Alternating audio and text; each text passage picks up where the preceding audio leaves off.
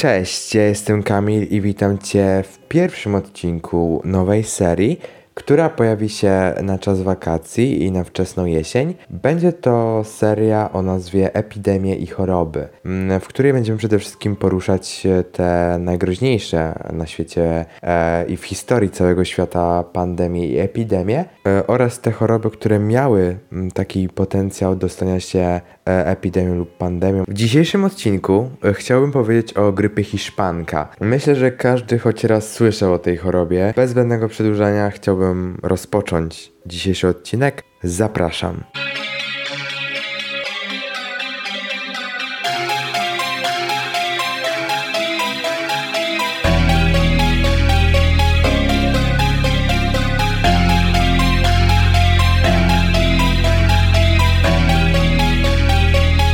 Grypa hiszpanka to nazwa choroby, która wywołała pandemię w latach 1918-1920. Odpowiedzialna była za to wyjątkowo groźna odmiana.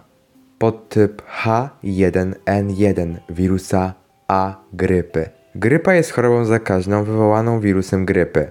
Rozprzestrzenia się przede wszystkim drogą kropelkową. Powoduje wysoką gorączkę, dreszcze, bóle mięśniowe, uczucie wyczerpania i brak apetytu. Co do zasady ustępuje po kilku dniach. Najskuteczniejszą metodą zapobiegania jest szczepienie ochronne. Na wirusy nie działają bowiem żadne antybiotyki. Najgroźniejsze są powikłania pogrypowe, które mogą wywołać zapalenie płuc, zapalenie ucha, zapalenie oskrzeli i wiele innych. Wyróżniamy trzy typy wirusa grypy. A. Najbardziej niebezpieczny, który wywołał pandemię z roku 1918, może być przenoszony m.in. przez świnie, konie i ptaki. B. Występuje wyłącznie u ludzi oraz C. Występuje u ludzi i świń i powoduje jedynie lekkie infekcje.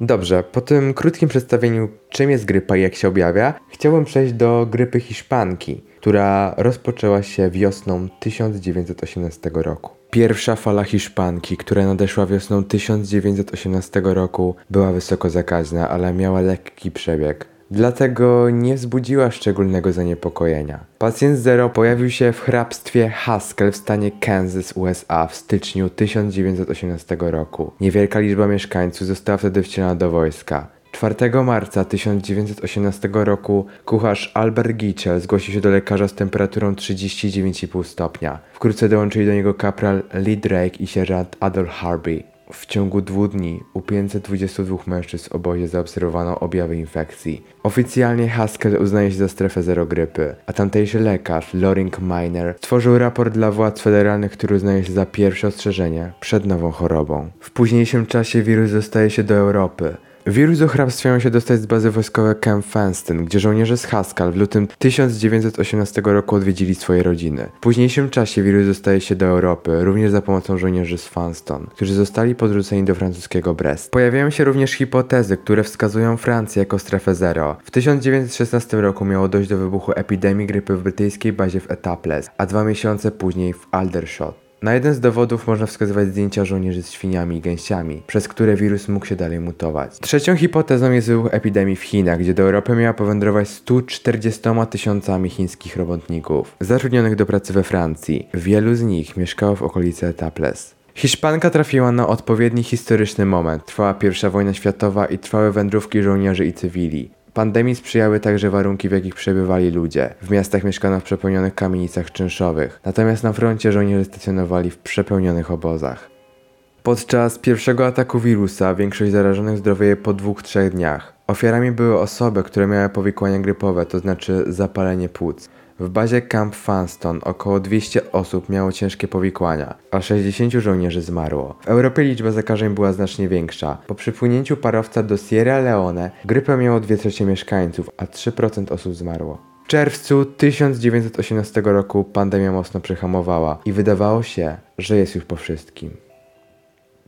Druga fala nadeszła w sierpniu 1918 roku i oznaczała się wysoką śmiertelnością. Największe ogniska grypy występowały oczywiście na froncie i w obozach. Przy najlepszej opiece medycznej jedna trzecia ludzi umierała. W bazie Camp Devens niedaleko Bostonu w ciągu miesiąca zgłosiło się 14 tysięcy chorych. Przez niesterylne warunki, brak możliwości zachowania odpowiednich zasad bezpieczeństwa, zakażenia poszerzały się, a grypa zabrała ze sobą 750 żołnierzy i cywilów. We wrześniu 1918 roku w prawie dwumilionowej Filadelfii zanotowano pierwszy przypadek choroby. W tydzień liczba w szpitalach wynosiła już 900 osób. Początkowo władze zbagatelizowały zachorowania i 28 września zorganizowali wielką paradę, zachęcając obywateli do zakupu amerykańskiej obligacji.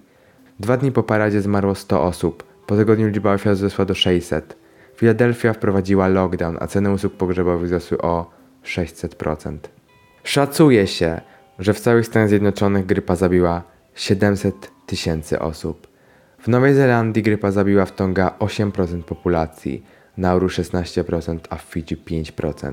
Koniec epidemii nastąpił pod koniec 1918 roku, choć wirus krążył do 1920 roku. Hiszpanka ostatecznie zabiła około 50 milionów ludzi i zalicza się do najbardziej śmiertelnych w historii. Pandemię grypy w 1918 roku jednak próbowano zagłuszyć i zacenzurować. W szczycie drugiej fali w grudniu 1918 roku The Times nigdy od czasu czarnej śmierci świata nie ogarnęła taka plaga i nigdy, nigdy nie została z takim spokojem zaakceptowana. W 1935 roku major Greenwood zauważył, w rzeczywistości emocje wołane pandemią grypy były słabsze niż w przypadku znacznie mniej poważnych epidemii. Na taką sytuację wpłynęła oczywiście trwająca I wojna światowa, a kraje próbowały kontrolować nastroje społeczne i wprowadzały cenzurę. Podczas pierwszej fali Hiszpanki prasa nawet o niej nie wspominała. Druga fala zbiegła się z atakiem aliantów w Cambrai i upadkiem linii Hindenburga. Po osiągnięciu rozejmu wiele rodzin chowało chorych w dźwiękach tłumu świętujących spokój. W Wielkiej Brytanii wszystkie wiadomości, które mogły stanowić zagrożenie dla siły ducha obywateli, były kasowane. Dlatego prasa i urzędnicy twierdzili, że grypa jest łagodna. Sir Arthur Newsholm, ówczesny wiodący ekspert do spraw zdrowia publicznego, sugerował zaś, że zajmowanie się grypą, a nie wojną jest z gruntu niepatriotyczne. Druga fala, która była znacznie śmiertelna, nadal próbowano ukryć. W sierpniu 1918 roku minister spraw wewnętrznych Włoch zaprzeczył doniesieniu o rozprzestrzenianiu się grypy. We wrześniu brytyjski premier złapał grypę, co zostało ocenzurowane, a jego nieobecność tłumaczono przeziębieniem podczas burzy.